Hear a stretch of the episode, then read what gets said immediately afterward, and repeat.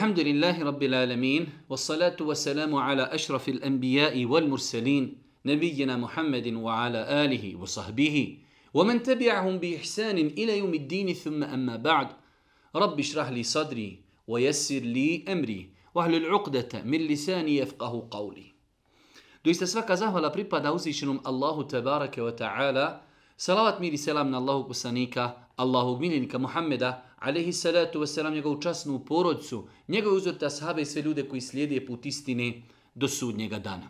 Uvažena braćo, poštovane sestre, uvaženi gledatelji, evo nas u još jednoj emisiji u kojoj se družimo sa odabranim kuranskim ajetima. Večeras, ako Bog da, družimo se sa surom El Ankebut, a to je ujedno i posljednja sura u 20. džuzu. Znači, hvala uzvišom Allahu te barek ta'ala, mi smo u toku Ramazana mjeseca eh, prešli i odabrali ajete iz prvih deset džuzeva Kur'ana. Nakon toga od Ramazana do sad smo imali nekih 18 predavanja, ako sam dobro brojao, u kojima smo odabirali iz svake suri odabrane kur'anske ajete. I evo, hvala Allahu Đelšanu, dvije trećine Kur'ana smo prešli sa večerašnjim predavanjem suri El Ankebut. Sura El Ankebut je 29. 29. sura u Mushafu, u Kur'anu, onako kako je danas napisan i poridan Mushaf. Ova sura je 85. sura koja je objavljena Božijem poslaniku, alihi salatu wasalam. Ona je objavljena nakon suri Ar-Rum, a nakon nje je objavljena u Mekki samo još jedna sura, a to je sura El-Mutaffifin. وَيْلُلْ lil mutaffifin. Znači ovo je jedna od posljednjih sura koje su objavljene Božim poslaniku alaihi salatu wasalam u Mekki i ova sura ima 69 ajeta. Znači sura El Ankebut eh, ima 69 ajeta, jedna je od posljednjih sura koji su Božijem poslaniku, alihi salatu wasalam, objavljene u Mekki i mi smo mnogo puta govorili, to je jedna veoma bitna stvar, da čovjek razlikuje period mekanski i period medinski, e, znači periodi objave, jer jednostavno svaki od ova dva perioda imao je svoje odlike. Sura El Ankebut govori opet o stvarnosti imana govori o tome da je sunnet Allahov na zemlji jedno veliko životno pravilo, da će ljudi biti iskušavani, stavljani na određena iskušenja da bi se vidjelo kako će oni postupati i ponašati se. Isto tako, e, ova sura govori o tome kako i gdje će završiti oni koji budu vjerovali u Allaha, oni koji budu pokorni, a gdje će završiti oni koji nisu vjerovali i oni koji nisu bili pokorni uzvišenom Allahu subhanahu wa ta'ala. Isto tako, sura nam govori o poslanicima, njihovim životima, njihovim iskušenjima kroz koja su prolazili kako bi insan, eh, a jedan od njih prvi je Muhammed alihi salatu wasalam, i svega toga uzeo pouku i poruku, a i mi, čitajući danas Kur'an, čitajući kazivanja o poslanicima, da shvatimo kroz kakva su oni iskušenja prolazili, da kada i mi imamo neko iskušenje, da jednostavno lakše to iskušenje prevaziđemo. Također ova sura govori da čovjek koji e, se raspravlja i razgovara sa ehlul kitabijama, treba da to radi na jedan najljepši način, znači da vodi raspravu sa e, pripadnicima drugih religija, drugih konfesija, da to radi na jedan najljepši način. Uzvišnji Allah subhanahu wa ta'ala ovu suru počinje opet sa onim, počinje sa arapskim slovima. Mi smo rekli da postoje sure u Kur'anu koje jednostavno počinju sa nekoliko arapskih slova. Ova sura počinje sa tri slova Elif, La, Mim. Kao što počinje sura El Beqara, Elif, La, Mim, zelike el kitabu, La, Rojbe, Fih, ili sura Alu Imran i tako dalje. Sura El Ankebut, prvi njen ajet je Elif, La, Mim.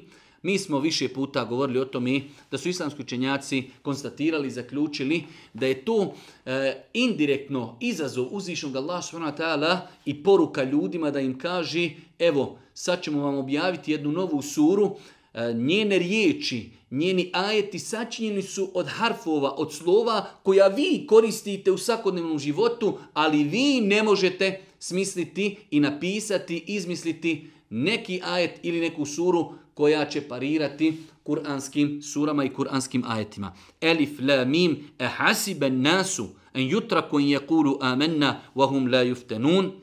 Misli li ljudi da će biti ostavljeni na miru ako kažu mi vjerujemo i da u iskušenja neće biti dovedeni? Jedna velika kuranska uh, teza, jedno veliko kuransko pravilo koje nam jasno daje do znanja da će čovjek u svome životu biti iskušan. Nije dovoljno da čovjek samo kaže ja vjerujem u Allaha. Ne, doći će iskušenja koja će e, imati za cilj da se potvrdi da li je tačna ta konstatacija kada čovjek kaže ja vjerujem u Allaha, ja vjerujem u sudnji dan, ja vjerujem u polaganje računa, ja vjerujem da me meleki vide, da zapisuju moja dobra i loša djela, ja vjerujem da ću odgovarati za svaku sekundu svoga života na sudnjem danu, doći će iskušenja. Nekada je iskušenje i metak. Dođe i metak, da vidi uzvišeni Allah kako će se insan ponašati sa imetkom. Nekada je iskušenje bolest, nekada iskušenje supruga ili muž ili dijete, nekada je iskušenje ugled, nekada je iskušenje inteligencija, nekada je iskušenje ljepota i tako dalje. Pa kaže uzvišeni Allah subhanahu wa ta'ala, misle li ljudi da će biti ostavljeni na miru ako kažu mi vjerujemo i da u iskušenja neće biti dovedeni? Bićemo dovedeni u iskušenja, mi smo na ispitu.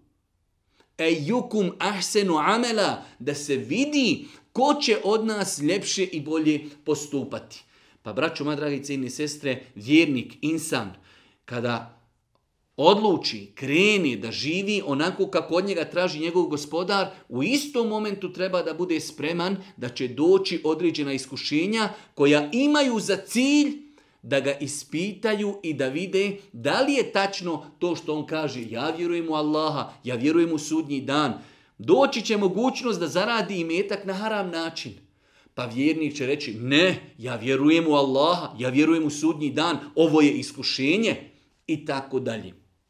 Pa kaže uzvišeni Allah وَلَقَدْ فَتَنَّ الَّذِينَ مِنْ قَبْلِهِمْ فَلَيَعْلَمَنَّ اللَّهُ الَّذِينَ صَدَقُوا وَلَيَعْلَمَنَّ الْكَاذِبِينَ A mi smo iskušenja dovodili one prije njih, da bi Allah sigurno ukazao na one koji govore istinu i na one koji lažu. Allah Želšanu pojašnjava nama. Mi smo, ne samo da ste vi iskušani, kada kažete mi vjerujemo, bit ćete iskušani. I ljudi prije vas koji su živjeli, kada bi rekli mi vjerujemo u nekog poslanika i oni su iskušavani, šta? Da bi se vidjelo ko istinu govori, a ko laži. Pa kaže uzvišeni Allah, a mi smo iskušenja dovodili one prije njih. Da bi Allah sigurno ukazao na one koji govori istinu i na one koji lažu. Zar misli oni koji zla djela radi, da će nam umaći, loše prosuđuju? Zar misle oni koji rade loša djela, da to Allah ne vidi, da to meleki ne zapisuju da neće na dunjaluku odgovarati prije ahireta. Insan kada radi loša dijela, pogotovo ako u pitanju e, tuđe pravo, zulum i tako dalje, čeka ga na dunjaluku iskušenje i kazna prije ahireta. Pa kaže uzvišeni Allah, zar misle oni koji zla dijela radi, da će nam umaći, loše prosuđuju, misle da i Allah ne vidi, misle da i Allah e, ne zna šta oni radi, Allah Žešanu kaže e, nemoj da misliš wala tahsabanna Allaha ghafilan amma ya'malu zalimun. Nemoj da misliš da Allah ne vidi šta radi šta radi zalimi šta radi nepravednici šta radi tirani šta radi nevjernici. I nemaju ahiruhum, samo ih Allah odgađa, daje im vremena da razmisli, da se preispitaju, da se pokaju, da se vrate uzvišenom Allahu subhanahu wa ta'ala. Zar misli oni koji zla djela radi da će nam umaći? Loše prosuđuju. Onaj koji se boji susreta sa Allahom, Kaže Allah subhanahu wa ta'ala وَمَنْ كَانَ يَرْجُوا لِقَاءَ اللَّهِ فَإِنَّ أَجَلَ اللَّهِ لَآتْ وَهُوَ السَّمِيُّ الْعَلِيمُ Onaj ko se bude bojao susreta sa Allahom, onaj ko bude očekivao susret sa Allahom, onaj ko bude vjerovao u susret sa Allahom, koliko je ljudi kada mu kažeš Allah, sudnji dan, ahiret, kaže ko je se otuda vratio.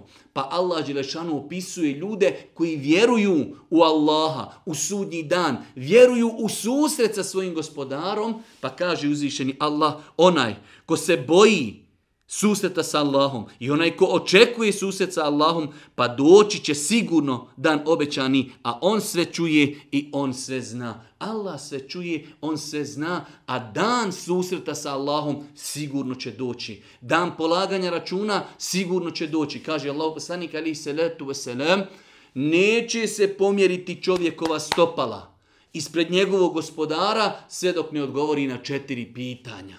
Pa ćemo svi mi svi mi ćemo odgovarati i polagati stroge i precizne račune na sudnjem danu šta smo to radili u svom dunjalučkom životu.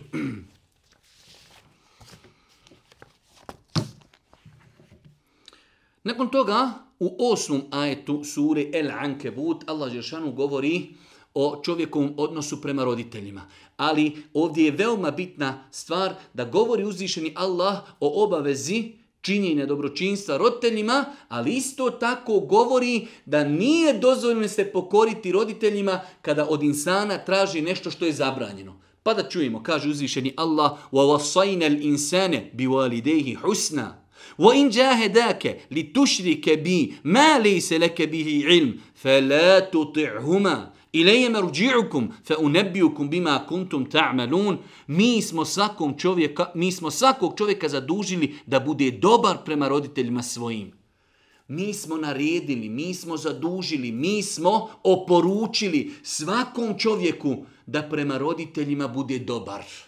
I ovdje ova riječ dobar, više puta smo i komentarisali, وَوَصَيْنَ الْإِنسَانَ بِوَالِدَيْهِ حُسْنًا Znači, ona je toliko široka, nedefinisana. Bilo koji način činjenja dobročinstva roditeljima čini, radi, od riječi, od dijela, od postupaka, od osmijeha. Bilo šta dobro čini roditeljima. Mi smo naredili, mi smo poručili, mi smo preporučili čovjeku da roditeljima svojim čini dobročinstvo. Aha, to je jedno veliko pravilo da je čovjeku obaveza da čini svojim roditeljima dobročinstvo. Pa kaže uzvišeni Allah subhanahu wa ta'ala, ali ako te oni budu nagovarali da meni nekoga ravnim smatraš, o kom je ti ništa ne znaš, onda ih ne slušaj. Aha, ako te budu nagovarali da Allahu pripisuješ sudruga, širk činiš, tu im se nemoj pokoriti. U suri Lukman Allah Đelešanu bukvalno je kazao istu frazu, ali još dodaje وَصَاحِبْهُمَا فِي دُنْيَا مَعْرُوفًا Ako te roditelji tvoji pozovu da činiš širk ili grijeh, nemoj ih poslušati. U obje sure je došlo nemoj ih poslušati. Ali u suri Lukman stoji dodatak. Kaže, ali se opet prema njima lijepo podi. Allahu ekber. Roditelj poziva svoje dijete da čini širk. Neće mu se dijete pokoriti, jer je to najveći grijeh kojeg Allah Žešanu neće nikome uprostiti. Ali i dalje ostaje وَصَاحِبُهُمَا فِي دُنْيَا مَعْرُوفًا Prema njima se i dalje lijepo obhodi. U redu, neću ja učiniti ono što vi od mene tražite, ali i dalje ste vi moji roditelji. Vi ste i dalje bili razlogom moga, znači biološkog e, postanka na Dunjaluku. Pa zbog toga moram da vam činim dobročinstvo.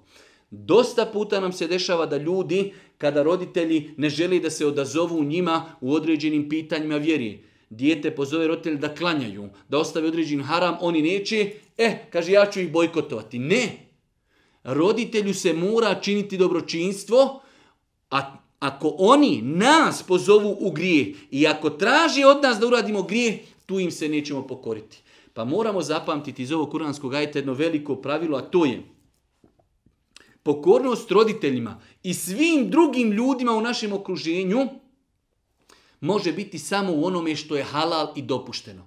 Ako od nas roditelji ili neko drugi traži nešto što je haram, nećemo mu se pokoriti. Tako da, ako bi roditelj rekao djetetu, idi kupi mi alkohol, idi uplati mi kladionicu, idi kupi mi duhan, na lijep, na lijep, blag način će mu pojasniti da on to ne može uraditi. Treba otići nešto drugo kupiti, treba nešto uraditi, treba nešto dovući, odvući, tu sam. Ali sve dok je to u granici halala. Onog momenta kada traži od tebe haram, na lijep, blag način pojasniti roditeljima da čovjek ne može da učestvuje u tom haramu. Pa kaže uzvišeni Allah, mi smo svakog čovjeka zadužili da bude dobar prema roditeljima svojim. Ali, ako te oni budu nagovarali da meni nekoga ravnim smatraš, o kome ti ništa ne znaš, onda ih ne slušaj, nemoj se pokoravati. Meni ćete se vratiti, pa ću vas ja onome što ste radili obavijestiti.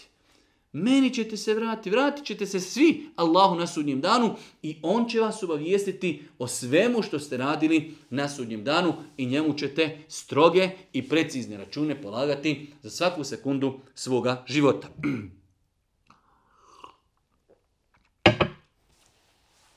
Nakon toga, u 11. odnosno 10. 11. ajetu suri El Ankebut, kaže uzvišeni Allah, وَمِنَ النَّاسِ مَنْ يَقُولُ آمَنَّا بِاللَّهِ فَإِذَا أُوذِيَ فِي اللَّهِ جَعَلَ فِتْنَةَ النَّاسِ كَعَذَابِ اللَّهِ Ima ljudi koji govori, mi vjerujemo u Allaha. A kada neki Allaha radi bude na muke stavljen, on drži da je ljudsko mučenje isto što i Allahova kazna. A ako pobjeda dođe od gospodara tvoga, sigurno će oni reći, bili smo uz vas, a zar Allah ne zna dobro ono što je u grudima čim? Allah dobro zna one koji vjeruju i dobro zna one koji su dvolični. Allah Želšanu ovdje opisuje e, određene e, osobine licemjera. Pa kaže ima ljudi koji kažu vjerujemo, ali dođe bilo kakvo iskušenje, on to mjeri kao da je to iskušenje ili kazna kojom će Allah kažnjavati ljude u džehennemu. Džehennemska vatra je 70 puta teža od dunjalučki. Pa insan, pogledajte, od samog početka suni neprestano se govori ljudi će biti iskušani. Čovjek treba da bude e, znači strpljiv, nekada će izgubiti metak, nekada će izgubiti porodcu, nekada će izgubiti zdravlje, nekada će biti potvoren i tako dalje. Sve su to iskušenja da se vidi ko će se strpiti, ko će podnijeti, ko će očekivati nagradu od uzvišenog Allaha. Pa kaže uzvišeni Allah, ima ljudi koji govore, mi vjerujemo. A kada neki Allaha radi bude na muku stavljen, on drži da je ljudsko mučenje isto što je Allahova kazna. Aha, to je jedna stvar. Druga stvar, ako muslimani dobiju kakvu pobjedu, lice mjeri se, oni se primaknu muslimanom kao i mi smo sa vama. Jer mi smo govorili više puta u Mekki, pošto su muslimani bili slabašni, u Mekki nije bilo licemjerstva. Onaj ko kaže za sebe musliman, la ilaha illallah, trebao je biti spreman na iskušenja. Kada je Allah poslanik učinio hijđru u Medinu, tada su ljudi imali dunjalučku korist da kažu la ilaha illallah Muhammed Rasulullah, a oni nisu muslimani. To je ta treća najopasnija kategorija ljudi licemjeri. Oni su tu zbog koristi. La ilaha illallah kad ima kakve koristi. Ako je kakvo iskušenje, oni se ne obhode prema iskušenju kako bi trebali. Pa kaže uzvišeni Allah, a ako pobjeda dođe od gospodara tvoga, sigurno će oni reći, bili smo uz vas. I mi smo muslimani, dajte i nama dio ratnog plijena. Kada je dobro, oni su sa muslimanima. Kada je loše, oni se povlači. Pa kaže uzvišeni Allah, a zar Allah ne zna dobro ono što je u grudima čim? Ama zar niste svjesni o licemjeri? Da uzvišeni Allah zna šta je u vašem srcu. Zna šta govorite, zna šta radite, zna šta, kako se postu, kako, kakvi su vaši postupci. Pa uzvišeni Allah i upozorava. Upozorava ih, a zar niste svjesni? To što varate muslimane, javno se deklarišite kao da ste muslimani, a u osnovi ste bolesni u svome srcu, ne vjerujete u Allaha, a zar ne znate da uzvišeni Allah subhanahu wa ta'ala zna šta je u grudima vašim? A zar Allah ne zna dobro ono što je u grudima čijim? Allah dobro zna one koji vjeruju i dobro zna one koji su dvolični. Allah zna. Zato je, braću moja draga, jedna od najvećih blagodati ove naše vjeri to što čovjek ne mora svoju iskrenost nikome dokazivati. Ja znam šta je u mom srcu. Ja znam koliko se bojim Allaha. Ja znam koliko strahujem od Allaha. Ja znam koliko vjerujem u sudnji dan i ne moram to nikome dokazivati. Dovoljno mi je da uzvišeni Allah zna. Ali isto tako uzvišeni Allah zna i bolje moga srca i zna ako u mome srcu ima licemjerstva. Pa ovakvi ajeti čovjeka odgajaju da se čovjek preispita sebe i svoje srce, ima li u njegovom srcu licemjerstva da odgaja sebe na iskrenosti prema uzvišenom Allahu subhanahu wa ta'ala. Kaže se u 14. ajetu suri El Ankebut, وَلَقَدْ أَرْسَلْنَا نُوحًا إِلَى قَوْمِهِ فَلَبِثَ فِيهِمْ أَلْفَ سَنَةٍ إِلَّا خَمْسِينَ عَامًا Allahu akbar. Ajet koji nam ukazuje koliko je živio Nuh a.s.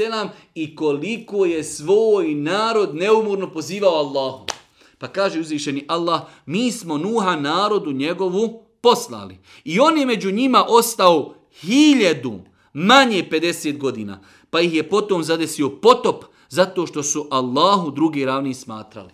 A došlo u drugim e, surama, Inni da'autu qavmi lejlen wa nahara, sirran wa džihara. Ja sam ljude pozivao i javno, i tajno, i danju, i noću. Znači, Nuh alihi salatu wasalam 950 godina poziva svoj narod. I rekli smo po najvećim pretpostavkama koji su spomenuli mu Fesiri Kur'ana, znači jer Nuh alaih selam govorili smo u jednom od prvih predavanja da mu je Allah Žešanu kada je njegov narod odbio istinu, Allah mu je naredio da gradi lađu na kojoj će se ukrcati svi ljudi tog vremena koji su primili vjeru islam i od svakih životinja po jedan par. Sve ostalo je zadesio potop. Pa po najvećoj nekoj pretpostavci ta lađa koju je napravio Nuh alihi salatu wasalam, znači na nju je se ukrcalo sa Nuhom 80 i 88 ljudi. To je znači najveća neka pretpostavka, ima puno manjih brojeva u 950 godina. Allahu ekber. 950 godina Nuh alaihi selam poziva ljude, strpljivo podnosi njihove uvrede, poziva ih Allahu i noću i danju, i tajno i javno. Znači na sve moguće načine i sve moguće metode pozivao je svoj narod Allahu.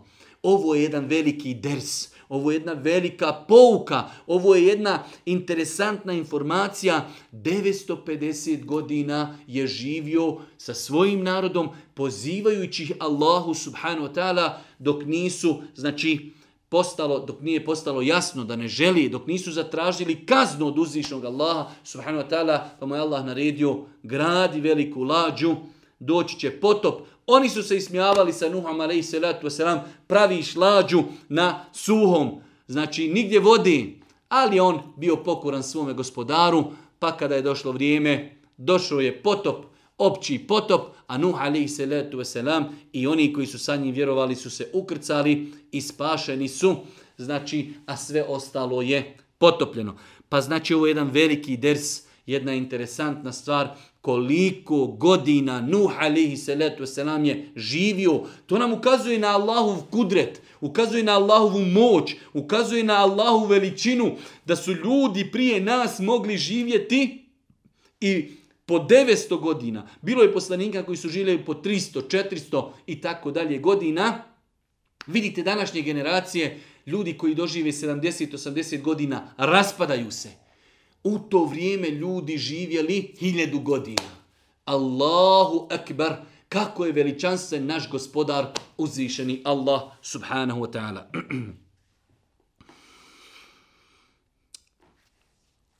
Nakon toga u 16., 17. i 18. ajetu uzvišen Allah govori o Ibrahimu alaihi salatu wasalam i čemu je on pozivao svoj narod pa kaže i Ibrahim gdje govori o svome narodu, Allahu se jedino klanjajte. I njega se bojte, to vam je bolje da znate. Vi se, mimo Allaha, kumirima klanjate i laži smišljate. Oni kojima se vi, mimo Allaha, klanjate, ne mogu vas nikakvom hranom i na fakum i rizkom nahraniti. Vi hranu i rizk i na faku od Allaha tražite. I njemu se klanjajte i njemu zahvalni budite, njemu ćete se vratiti. Ovdje sam ovaj ajet ili grupu ovih ajeta spomenuo samo zbog znači ovog jednog pravila, to je gdje kaže uzvišeni Allah subhanahu wa ta'ala فَبْتَغُوا عِنْدَ اللَّهِ رِزْقِ Od Allaha tražite rizk. Od Allaha tražite na faku. Kaže, Ibrahim je govorio svome narodu, Allahu se jedino klanjajte.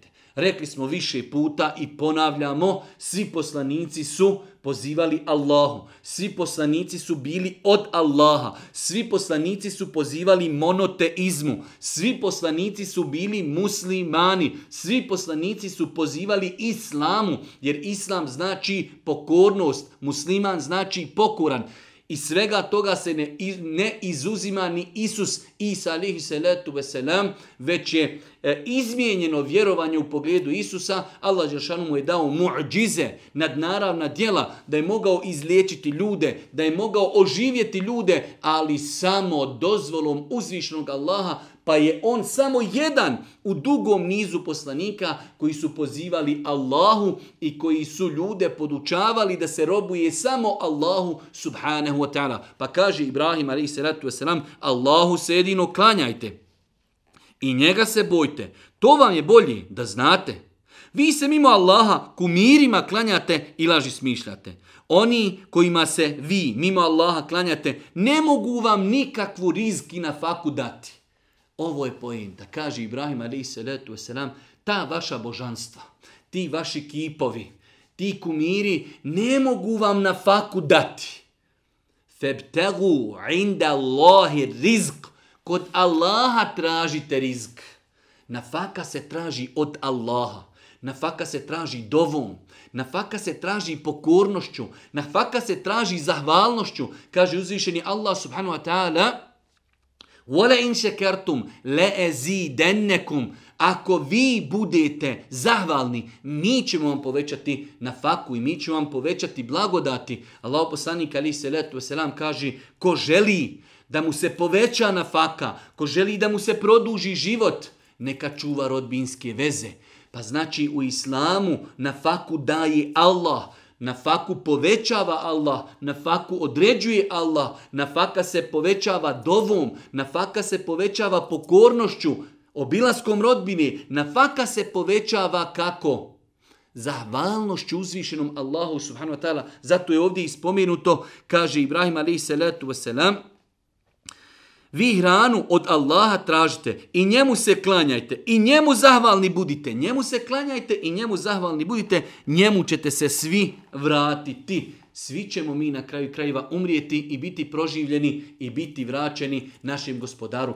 Pa je ovo jedan veliki kuranski princip febtegu inda Allahi rizqo. Kod Allaha i od Allaha tražite rizk i na faku tako što ćete biti pokorni, tako što ćete poštovati njegove granice, tako što ćete činiti dobra djela, tako što ćete zahvaljivati uzvišenom Allahu, tako što ćete doviti u dovama tražiti ja rab obskrbi me halal obskrbom, ja rab obskrbi me halal obskrbom, učini u toj halal obskrbi da nam bude znači dovoljno i da nemamo potrebe, ne daj Bože, da postignemo za onim što je haram.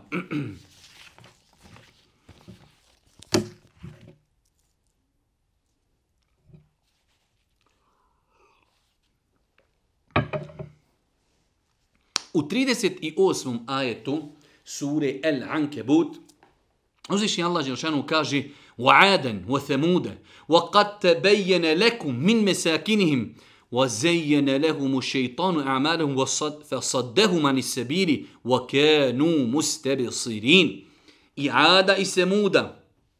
Ostaci domova njihovi su vam vidljivi.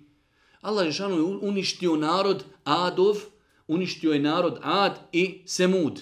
Ad je narod Huda ali selam, a Semud je narod Salihov. Allah je uništio, ali su ostale njihove nastambe kao ibret da ljudi naiđu pa da vide, aha, nekada je ovdje bila civilizacija, nekada su ovdje bili ljudi, pa im je došao poslanik, pa su bili nepokorni, pa ih je uzvišeni Allah uništio, kao ibret i poruka ljudima, pa kaže uzvišeni Allah i Ada i Semuda.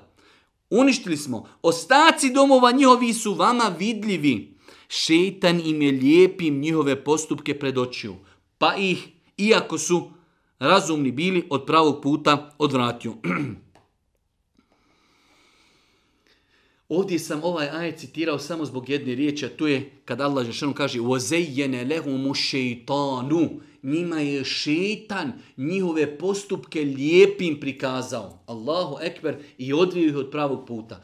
Više puta smo se osvrtali na ovu riječ zejjene lehumu šeitan, da šeitan, jedan od načina i metoda pozivanja ljudi u nevjerstvo, pozivanja ljudi u nemoral, jeste uljepšavanje grijeha. Vi danas pogledajte na ulice naše. I u Americi, u Evropi, u Australiji ljudi rade nešto čega bi se normalan insan trebao stiditi. Sjedi o, djevojka i e, mladić na autobuskoj stanci i ljube se pred narodom. To je znači, malo dijete dovedeš, ono se zastidi od njih. Ali je to šeta njima uljepšao. Žena se skine, znači ide napolje, znači dijete se stidi pogledati u tu ženu. Ali je šetan nju, znači, nagovorio, uljepšao, skini, utegni, zategni, skrati, suzi i tako dalje. وَزَيَّنَ لَهُمُ šeitan. Šeitan im je uljepšao poroke, uljepšao grijehe, uljepšao kufr, uljepšao nevjerstvo, uljepšao nepokornost uzvišenom Allahu. Pa insan treba treba da bude mudar, treba da bude pametan, da ne nasjedni na ovaj šetanov način zavođenja ljudi, uljepšavanje, uljepšavanje griha. Danas ćete vidjeti ljude, sjedi na ulici i duhani. Ama čovjek bi se trebao toga stiditi. Čovjek pije alkohol na, pred kafićem. To, toga bi se trebao stiditi. Žena otkrivena trebala bi se stiditi i tako dalje. Ali je šetan ljudima uljepšao. I ne samo to. Otišao je stepen dalje. Oni koji su pokorni, oni koji su u redu, hajmo se ismijavati sa njima, hajmo njih napadati, hajmo njih vrijeđati, hajmo njima dokazivati da smo mi u pravu. Dokle šeitan može odvesti čovječanstvo? Dokle šeitan može odvesti ljude? Pa kaže uzvišeni Allah, وَزَيَّنَ لَهُمُ شَيْطَانُ أَعْمَالَهُمْ Šeitan im je lijepim njihove postupke predočio. Pa čovjek treba da zna da je jedan od najvećih njegovih neprijatelja šetan, da pazi kako i na koji način ga šetan zavodi u, na putu nepokornosti. Nakon toga u 40. ajetu opet jedna kuranska formula, a to je Allah žer nam pojašnjava zašto su prijašnji ljudi uništavani. Prijašnji narodi, pa kaže فَكُلَّنْ اَحَذْنَا بِذَنْبِهِ فَمِنْهُمْ مَنْ أَرْسَلْنَا عَلَيْهِ حَاصِبًا I sve smo prema grijesima njihova, e, njihovim kaznili. Sve njih smo zbog grijeha kaznili. Po grijesima njihovim kaznili. Po njihovoj zasluzi kaznili. فَأَخَذَهُمُ اللَّهُ بِذُنُوا بِهِمْ Pa ih je Allah kaznio zbog njihovih grijeha koji su činuli. Pa je, braću, moja draga i sestre, razlog zašto je Allah uništavao civilizacije, uništavao narode, nepokornost, nepokornost poslanicima, udaljenost od Allaha, udaljenost od njegovog, od njegovog pravca, od njegovih smjernica, fe ehazehumullahu bidhunu bihim, fa ih je Allah kaznio zbog grijeha. U ovom ajetu, fe kullen ehadna bidhem bihim, I sve smo mi, prema svima njima smo, o, sve njih smo uništavali po njihovim grijesima. Pa kaži, na neke smo vjetar slali, pun pjeska, a neke strašnim glasom uništili, neke u zemlju utjerali. Juče smo govorili o Karunu.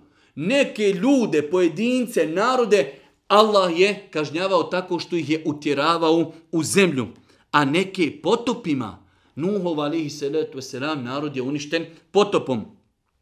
Allah im nije učinio nepravdu. Sami su sebi nepravdu nanijeli. Allahu ekber. Allah Žešanu u ovom ajetu spominje tri stvari. Prva stvar, svi su oni kažnjavani shodno grijesima. Grijesi su razlog zašto je Allah uništavao ljude.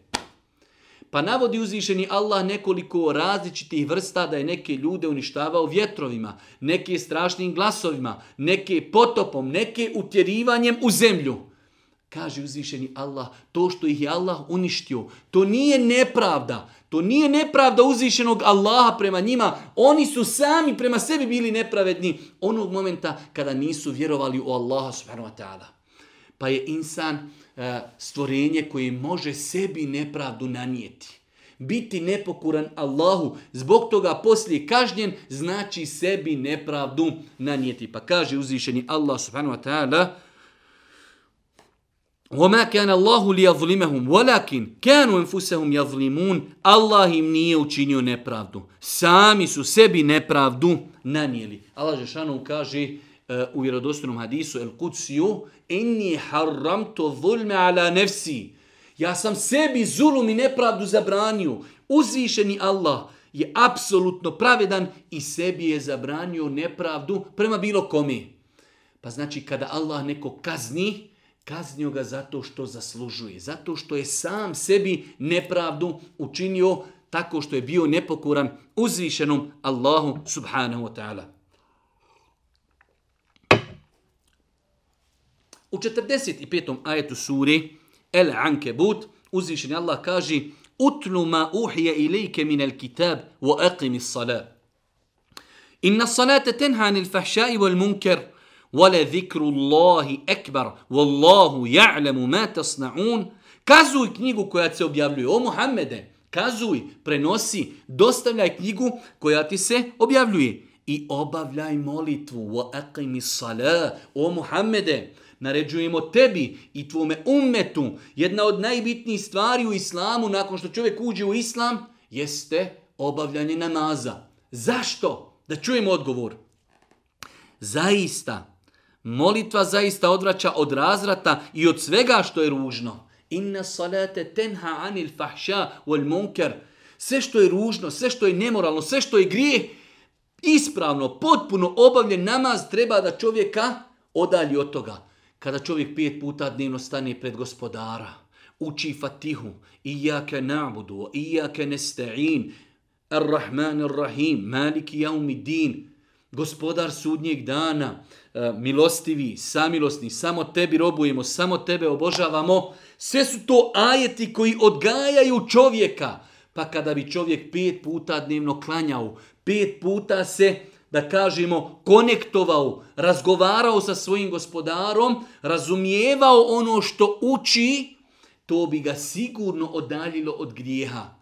To bi ga sigurno odaljilo od nemorala, to bi ga sigurno odaljilo od svega, odaljilo od svega što je ružno. Pa kaže uzvišeni Allah, inna salate tenha anil fahšaj wal munkar, doista namaz, potpuno i ispravno obavljen, odvraća, odvraća onoga koji je klanjao od grijeha, od nemorala, od prevari, od svega što je ružno. Pa braćo moja draga i cijene sestre, svi treba da se prispitamo. Da li na nas ostavlja taj namaz takve, takve tragove? Ili mi klanjamo, i prije i poslije namaza smo isti. Ne. Moramo poslije namaza biti jači. Mora naš iman biti jači. Naša svijest o Allahu mora biti jača. Ako smo ispravno doživjeli taj namaz, ako smo ispravno doživjeli stajanje pred Allahom, ako smo taj namaz doživjeli kao razgovor sa svojim gospodarom, onda nas to mora spriječiti od grijeha, onda nas to mora spriječiti od nemorala. Pa kaže uzvišeni Allah, inna salate tenha anil fahšai wal munkar. Insan koji klanja i nakon namaza ponovo čini grijehe, dobro treba da se isprita da li je ispravno obavio namaz, kakav je njegov namaz, je li njegov namaz ostavio traga na njega ili nije.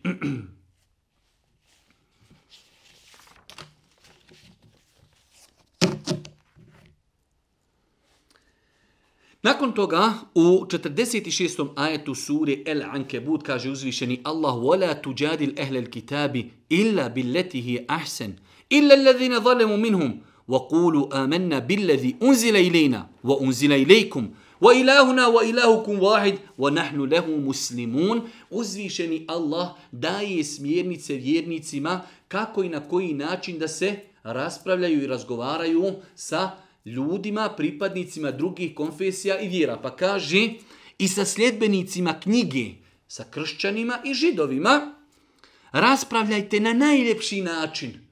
Na najljepši način razgovarajte sa njima, iznosite dokaze. Uzvišeni Allah je objavio Kur'an, objavio znači sunnet Božijeg poslanika. U svemu tome imaju odgovori na sve nejasnoće koje iznose sljedbenici knjige. Čovjek samo treba da se poduči i treba na lijep način da im dostavi. Ovo je naše vjerovanje. Evo mi u zadnje vrijeme trpimo poprilično dosta uvrijeda i i negativnih komentara, ljudi neprestano, a zašto vi zapinjete za Isusa? Ama nama je obaveza, mi moramo muslimanima pojasniti kako oni ispravno da vjeruju u Isusa. Isus je poslanik, nije imao božanska osobine nikakve. Njegova majka Marija je jedna od najčasnijih žena u historiji, ali u sve to ono, ona nije bogorodica, ona je pod navnim znacima klasična standardna žena koja je rodila dijete bez kontakta sa muškarcom. To je naše vjerovanje i moramo vjerovati u njega. Moramo ljude koji žive u blizini kršćana da ih podučimo kako ispravno da vjeruju u Isusa. Da li će neko u to nakon toga vjerovati ili ne, to nije nas briga. Pa kaže uzvišeni Allah i sa sljedbenicima knjige raspravljajte na najljepši način ali ne i sa onima među njima koji su nepravedni, oni koji ne prihvataju, oni koji su inađije, oni koji ratuju protiv vas. Sa takvim ljudima više nema, nema rasprave i nema razgovora. I sa sljedbenicima knjige raspravljajte na najljepši način, mudro, lijepo, dokazima, argumentima, bez srđbe, bez ljutnje, bez vrijeđanja i tako dalje. Na lijep način s njima raspravljajte. I recite, recite vi njima, mi vjerujemo ono što se objavljuje nama, a naš Bog i vaš Bog je jeste jedan i mi se njemu pokoravamo. Mi vjerujemo ono što se objavljuje nama i ono što se objavljuje vama. Mi muslimani, alhamdulillah, dosta puta smo o tome govorili. Mi vjerujemo u Kur'an, ali isto tako mi vjerujemo i u Isusa, vjerujemo i u Musa alihi salatu wasalam i vjerujemo u Ibrahima, vjerujemo i u Huda i Saliha i u Davuda i tako dalje. Vjerujemo onog momenta kada su te knjige objavljivane da su one objavljivane od Allaha i da su bile odgovarajuće za to vrijeme. Ni jedna knjiga mimo Kur'ana, makar se to nekome sviđalo ili ne sviđalo, nije ostala autentična nebeska knjiga objavljena osim Kur'an. Zato mi kažemo u osnovi, mi vjerujemo u Kur'an, Kur'an je derogirao prethodne knjige i vjerujemo u osnovi da te knjige onog momenta kada su objavljivane da je u njima bila uputa i vjerujemo da u to vrijeme su one bile objavljene od Allaha. Do danas nisu sačuvane. Do danas mi ne znamo šta su ljudi dopisali na Božji govor. Pa se mi suzdržavamo za određenje činjenice spomenute danas u Bibliji. Mi ne možemo reći ni istina ni neistina. Zato što ne znamo šta je pridodato, šta nije pridodato. Ali znamo da je Muhammed posljednji poslanik i znamo da je njegova poslanica, Kur'an, derogirao i izvan snage izbacio sve prethodne objavljene, objavljene knjige. Pa kaže e, se u ovom ajetu, وَقُولُوا آمَنَّا بِالَّذِي أُنزِلَ إِلَيْنَا Reci mi, vjerujemo ono što se objavljuje nama. وَأُنزِلَ إِلَيْكُمْ I vjerujemo ono što se objavljuje vama. Ali kako? Da je nakon objavi Muhammeda alihi salatu wasalam, da je to derogirano, da je to nekad bio Allahov govor koji je odgovarao za vrijeme i prostor u kojem je živio taj poslanik. Danas ne. Wa ilahuna wa ilahukum wahid i naš Bog i vaš Bog jeste jedan. Ovo je mnogo bitno. I naš Bog i vaš Bog o sljedbenici knjige je jedan Bog. Neispravno je reći imaju kršćani svog Boga, židovi svog Boga, muslimani. Ne, jedan je Bog, slao je poslanike ljudima na zemlji. Ljudi su to pogrešno shvatili pa su napravili od toga različite religije. Svaki poslanik je dolazio i ljude pozivao Allahu i ljude pozivao da robuju uzvišenom Allahu subhanahu wa ta'ala, a nisu to nikako neke nove bile religije. Jedan Allah, šalje više poslanika i svi pozivaju uzvišenom Allahu subhanahu wa ta'ala. I naš Bog i vaš Bog jeste jedan i mi se njemu pokoravamo. Wa nahnu lehu muslimun. Mi se njemu pokoravamo. Musliman znači biti pokoran uzvišenom Allahu subhanahu wa ta'ala.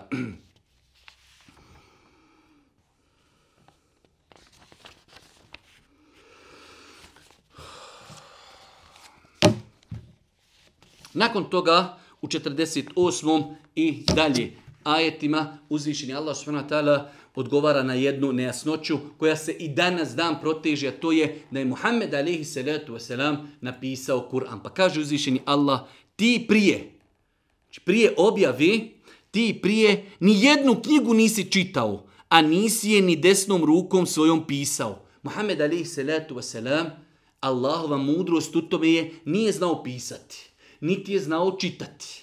Allahu ekber. Taj veličanstveni Muhammed alihi salatu veselam, za kojeg su nemuslimani, kršćani kazali da je najuspješniji i najveći čovjek historije. Kao što je to kazao Michael Hart u svojoj poznatoj knjizi da je Muhammed alihi salatu wasalam najuspješnija ličnost historije nije znao pisati i nije znao čitati ali ga je odgajao uzvišeni Allah subhanahu wa ta'ala, pa kaže uzvišeni Allah i navodi to. Mi se toga ne stidimo. Mi se toga ne stidimo. Ti prije nijednu knjigu nisi čitao, a nisi je ni desnom rukom svojom pisao. Inače, posumnjali bi oni što laži govori. Da je Muhammed Ali Selam znao čitati da je znao pisati, oni bi rekli, a ti si čitao prethodne knjige, ti čitaš, ti pišeš, ti prepisuješ, ti si Kur'an sakupio, sastavio od onoga što si prije čitao. Ne, ne, ne. Allah ga sačuvao i učinio ga da ne zna ni čitati, ne zna ni pisati. Allahu ekber. A dostavio nam je knjigu od uzvišenog Allaha koja u desetinama i stotinama ajeta potvrđuje njegovu istinitost do te mjeri danas da nauka, da medicina i mnoge druge nauke, znači e, e, grane nauka, potvrđuju tačnosti kuranskih ajeta koje je tada čovječanstvu dostavio Džibril preko Muhameda prije 1400 godina Muhammedu alaihi salatu wasalam od Allaha su objavljivani ajeti o kosmosu, o zemlji, o morima, o e, planinama i mnogim pitanjima koja danas tek potvrđuje nauka. Tako da ona teza Muhammed napisao Kur'an, Muhammed prepisao Kur'an iz Biblije i tako dalje, tako mi Allaha, to je toliko smiješna teza. Znači, ja ne znam kako se ljudi ne stide kazati takvu tezu javno. Znači, insan koji jednom pročitao Kur'an, insan koji jednom pročitao Bibliju, da iskaži, da rekne takvu tezu, to vjerujte, znači trebao bi dobro da se stidi da kaže takvu tezu. Pa kaže uzvišeni Allah, ti Muhammede, prije nje, nijednu knjigu nisi čitao, a nisi je ni desnom rukom svojom pisao. Inače, posumnjali bi oni što laži govori. A to su ajeti jasni u srcima onih kojima je razum dat. To su ajeti Kur'an, čuvaju ljudska prsa, Allahu ekber. Koliko danas na planeti imate? Hiljada. Možda i stotine hiljada hafiza. Kada bi se desio opći potop na planeti i ljudi neki preživjeli, jedino bi mogao se ponovo izdiktirati Kur'an. Zašto? Jer ga ljudi čuvaju u prsima. Imate hafiza u ponoći, samo kažeš uči. Hafiz uči gdje god hoćeš u Kur'anu. Pa kaže uzvišeni Allah, taj Kur'an, to su ajeti jasni, u srcima su oni kojima je razum dat. A naše ajete samo nepravedni usporavaju i govori zašto mu se od gospodara njegova nisu neka čuda, nisu neka čuda poslana. Reci, čuda su jedino od Allaha, a ja samo jasno njim. A zar, im, a zar im nije dosta to što mi tebi objavljujemo eh, knjigu koja im se kazuje? U njoj je doista blagodat i pouka narodu koji vjeruje. Govori nevjernici tog vremena Mohamedu ali Selatu selam, zašto ti ne dođe kakvo čudo, pa da mi u tebe povjerujemo zbog tog čuda. Prva stvar, dolazila su čuda. Muhammed alihi salatu wasalam je imao toliko muđiza da su islamski učenjaci pisali zasebne dijela, zasebna dijela muđize Božih poslanika alihi salatu wasalam. od velikih muđiza kao što je raspolučivanje mjeseca do nekih manjih muđiza, ali najveća muđiza koja je ostala trajna i ostaće do sudnjeg dana jeste Kur'an, a uzvišeni Allah u Kur'anu je izazvao čovječanstvo. Bujrum, Muhammed je umro, evo Kur'an koji je objavljen Muhammedu, dajte vi smislite jednu suru kao Kur'anska sura. Pa je Kur'an, kao što kažu islamski učenjaci, najveća muđiza i trajna muđiza Muhammeda alihi salatu wasalam sve do sudnjega dana. Pošto mi je ostalo kratko vremena, u 57. ajetu uzvišnji Allah ponavlja ponovo onu kuransku istinu i kaže kullu nefsin dha'iqatul maut thumma ilayna turja'un والذين آمنوا وعملوا الصالحات لنبوئنهم من الجنة غرفا تجري من تحتها الأنهار خالدين فيها ni'ama ajru al-amilin saberu, wa ala rabbihim yatawakkalun. Svako živo biće će smrt okusiti. O Allahu robe čitaš Kur'an družiš se sa Kur'anom kad ono tamo kur'anski ajet svako živo biće će smrt okusiti. Insana ponese dunjaluk pa trebao bi kuću pa treba vikendica promijeniti auto trebao bi trebao bi pa na more pa na ekskurziju pa ovdje pa ondje. Samo melek smrti dođe. Idemo, gospod. Pa nisam završio. Idemo. Insan vjernik treba biti pametan. Treba biti pronicljiv. Treba biti svjestan činjenici. Svi ćemo otići. Ne znamo kada ćemo otići. Da budemo svakog momenta spremni za smrt. Kullu nefsin iqatul maut. Svaka duša, svako živo biće okusit će smrt. Nakon smrti kabur nakon kabura proživljenje, nakon proživljenja polaganje računa, nakon toga džennet, uživanje, džehennem, patnja. Pa kaže uzvišeni Allah, napominjući, upozoravajući, kullu nefsin iqatul maut, svako živo biće će smrt okusiti i nama ćete se poslije vratiti. One koji budu vjerovali dobra djela činili, smjestit ćemo u džennetske odaje, ispred koji će rijeke teći. U njima će vječno boraviti.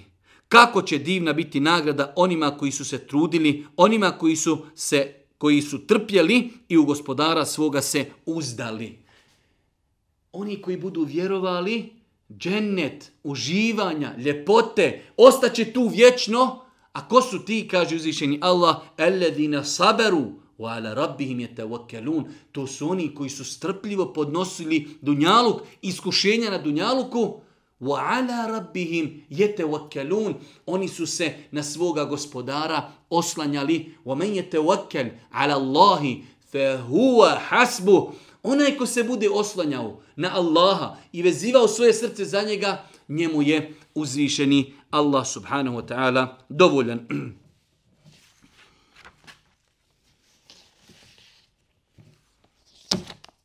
Predzadnji ajet koji ćemo danas komentarisati, ajet 64. u suri El Ankebut kaže uzvišeni Allah وَمَا هَذِهِ الدُّنْيَا وَمَا هَذِهِ الْحَيَاتُ الدُّنْيَا إِلَّا لَهٌ وَلَعِبٌ وَإِنَّ الدَّارَ الْآخِرَةَ لَهِيَ الْحَيَوَانِ لَوْ كَانُوا يَعْلَمُونَ Život na ovom svijetu nije ništa drugo do zabava i igra. I samo onaj svijet je pravi istinski život. Allahu ekber. Ovo sve što ovdje živimo, to je samo igra, ispit, iskušenje. Dunjalu kod Allaha ne vrijedi kao krilo mušici. Pravi život, pravo uživanje je uživanje ahireta. Mi smo više puta govorili. Dunjaluk i ahiret se razlikuju u dvije stvari. Dunjaluk je prolazan, ahirat je vječan. To je znači najbitnija stvar. A da ne govorimo o iskušenjima koja čovjek ima u dunjalučkom životu, a kako miran i spokojan će život imati, imati ako bude ušao u džennet i ako bude nagrađen Allahom subhanahu wa ta'ala nagradom, vječno uživanje, vječna patnja. Dunjalučki život je prolazan. Pa ne smijemo, braćo moja draga i cijeni sestre, dozvoliti da vječni ahiret, vječno uživanje prodamo za ovaj dunjalučki, dunjalučki život. Pa kaže uzvišeni Allah, život na ovom svijetu nije ništa drugo do zabava igra, a samo Onaj svijet je život. To je pravi život i to je pravo uživanje. Kada bi samo oni znali, kada se ulađu u iskreno se oni moli Allahu. A kada ih on do kopna dovede, odjednom druge njemu ravne, ravni smatraju da bi pokazali nezahvalnost prema onome što im mi dajemo i da bi uživali. A znači oni, feseufe ja'lemun. Allah Žešan na više mjesta u Kur'anu navodi slučaj ljudi i nevjernika. Krenu lađom na more, pa lađa počne znači da, da se pomjera talasi, valovi, bura, pa onda kada svate da nemaju više kome da se obrati, vezuju se za Allaha. Da'avu Allahe muhlisine. Oni se tada Allahu iskreno obrate dovom, pa ih Allah spasi. Pa opet kad se dokopaju kopna, opet Allahu nepokorni i opet Allahu, Allahu čine širk i kufr i tako dalje, kaže uzvišeni Allah, fe seufe ja'lemun, a znači oni, znači oni, znači Allah ih počastio, Allah im pokazao svoju dobrotu. Evo bili ste na moru, došla bura, došlo e, vrijeme kada ste mogli e, biti potopljeni, Allah vas izbavio, Allah vas sačuvao, vi kada ste se vratili na kopno, opet nepokorni, opet ne vjerujete, esaufe ta'lemun, znajte, saznaćete, vidjet ćete kakva je Allahova subhanahu wa ta'ala kazna. I zadnji ajet, i to je zadnji ajet i u predavanju, i zadnji ajet u suri El Ankebut, وَالَّذِينَ جَاهَدُوا فِينَا لَنَهْدِيَنَّهُمْ سُبُولَنَا وَإِنَّ اللَّهَ لَمَعَ الْمُحْسِنِينَ Oni koji se budu zbog nas borili, mi ćemo sigurno putevima koji nama vode uputiti, a Allah je zaista na strani oni koji dobra djela čine. وَالَّذِينَ جَاهَدُوا فِينَا لَنَهْدِيَنَّهُمْ سُبُولَنَا Oni koji se budu borili u naše ime i na našem putu. Kažu islamski mufesiri, islamski učenjaci, ovaj ajet je objavljen prije nego što je prije što su objavljeni ajeti u kojima se naređuje borba i džihad. Pa kažu islamski učenjaci, ispravno razumijevanje ovog ajeta jeste da je tu jedan e, širok ajet. Oni koji se budu borili na našem putu, borili protiv šeitana, protiv svoga nefsa, borili se na putu sticanja znanja, borili se e, u odbrani vjere, svaki vid borbe znači za vjeru i din i traženje Allahovog zadovoljstva potpada pod ovaj ajet pa kaže uzvišeni Allah walladine jahadu fina lenehdiyannahum subulana oni koji se budu zbog nas borili borili se u jednom širokom smislu zbog nas i radi Allaha mi ćemo sigurno putema koji nama vodi uputiti ko svoj život bude živio radi Allaha, pomažući vjeru, in tensurullahe, jansurkum, ako vi pomognete vjeru, i Allah će pomoći vas, ko bude svoj život živio radi Allaha, radi vjeri, pomažući vjeru, pomažući muslimane, lenehdijennehum subulena, mi ćemo ih uputiti putevima koji nama vode. Allahu ekber, ako želiš da te Allah uputi putevima koji vodi njemu, onda sebe, svoj život, svoje zdravlje, svoj imetak uvakufi na Allahovom putu bilo gdje da treba. Da li je to borba, da li je to nauka, da li je to pero, da li je to pomaganje, da li je to učenje, na Allahovom putu, za Allaha, na Allahovom putu, da bi dobili ovu veliku nagradu, le nehdijennehum subulena, mi ćemo ih uputiti putevima koji nama vodi, a Allah je zaista na strani onih koji čine dobra djela, wa inna Allahe ma'al muhsinin, doista je Allah sa onima, sa onima koji čine dobra djela. Allah subhanahu wa ta'ala ih pomaži, upućuje, podržava. Molim uzvišeno Allah subhanahu wa ta'ala da nas učisti na putu istine, da nam bude milostiv na sudnjem danu i na kraju subhaneke, Allahumma bihamdike, ešhedu en la ilaha illa ente stagfiruke, wa etubu ilik. Oh.